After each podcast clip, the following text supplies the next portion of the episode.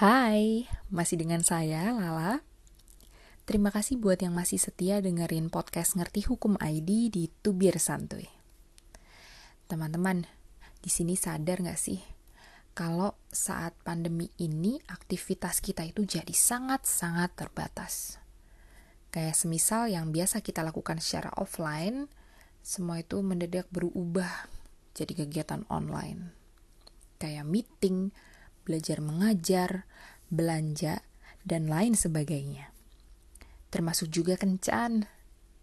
Bagi yang udah punya pacar atau pasangan, mungkin kencan online ini jauh lebih mudah dilakukan daripada orang yang belum punya pacar atau pasangan, alias jomblo. Nah, meski dilakukan secara online, melalui dating apps nih misalnya, kamu juga harus tetap waspada agar tidak terkena jeratan predator online dating seperti yang sempat viral beberapa waktu yang lalu. Ngeri gak sih? Jadi jangan sampai ya. Berikut ini aku mau bagi sedikit tips nih untuk aman saat beronline dating. Uh, yang pertama, pahami betul tujuan kamu saat menggunakan aplikasi kencan. Ingin mencari jodohkah? Atau pacar? Atau bahkan hanya ingin mencari teman. Hal ini penting dilakukan pertama kali agar nanti bisa menemukan orang sesuai dengan harapan kita.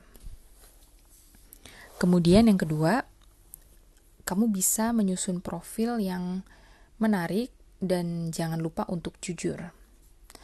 Tidak berlebihan juga dapat memberikan kesan positif saat orang melihat profil kamu nantinya. Memang kita tuh nggak bisa ya uh, mengetahui dan membatasi beberapa akun palsu yang bertebaran di suatu aplikasi kencan online. Tapi tidak ada salahnya jujur mencantumkan profil kamu.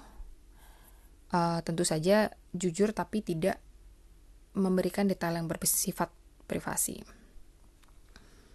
Selanjutnya yang ketiga, perhatikan profil dan deskripsi terlebih dahulu sebelum memutuskan berkomunikasi dengan seseorang.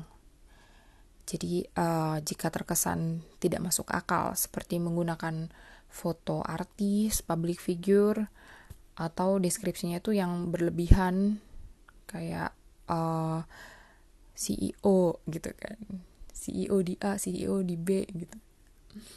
Sebaiknya tinggalkan saja yang seperti itu. Namun, uh, jika sudah melihat data yang sekiranya jujur tidak ada salahnya juga untuk kepoin sosial medianya. Ya, setidaknya usahalah ya agar tahu kehidupan sosialnya.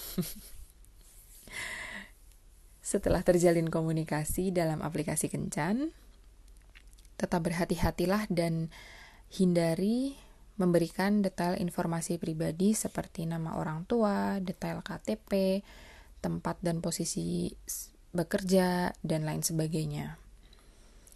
Hal ini uh, untuk menjaga diri dari perbuatan yang tidak bertanggung jawab nantinya. Kemudian yang terakhir, menilai cara komunikasi.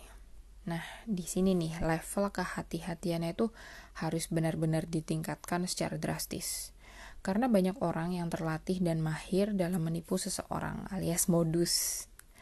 Bukannya menakut-nakuti sih ya, tapi agar lebih aman aja gitu pastikan beberapa langkah yang sudah aku sebutin tadi itu juga sudah dilakukan. Fingers crossed. Insya Allah aman lah ya kalau udah dilakukan semua. Oh iya satu lagi tips tambahan dalam berkomunikasi. Usahakan pilih topik pembicaraannya itu yang positif dan berdampak kebaikan ya Uh, mungkin bisa diawali dengan pertanyaan yang tidak terlalu personal atau bersifat privasi. Seperti bahas isu-isu terkini, terus apa namanya, uh, cari berita-berita apa yang lagi happening kayak gitu. Jadi agak berat ya. Sebenarnya yang utama sih komunikasi dengan sopan dan jangan juga cepat menilai seseorang jadi yang kelihatannya nyambung banget gitu kan pas lagi ngobrol itu perlu dilakukan cross check lebih dalam sebelum melangkah ke level hubungan yang selanjutnya. Semoga bermanfaat ya tips dan trik dalam berkencan online ini. Sekian tuh biar santuy kali ini.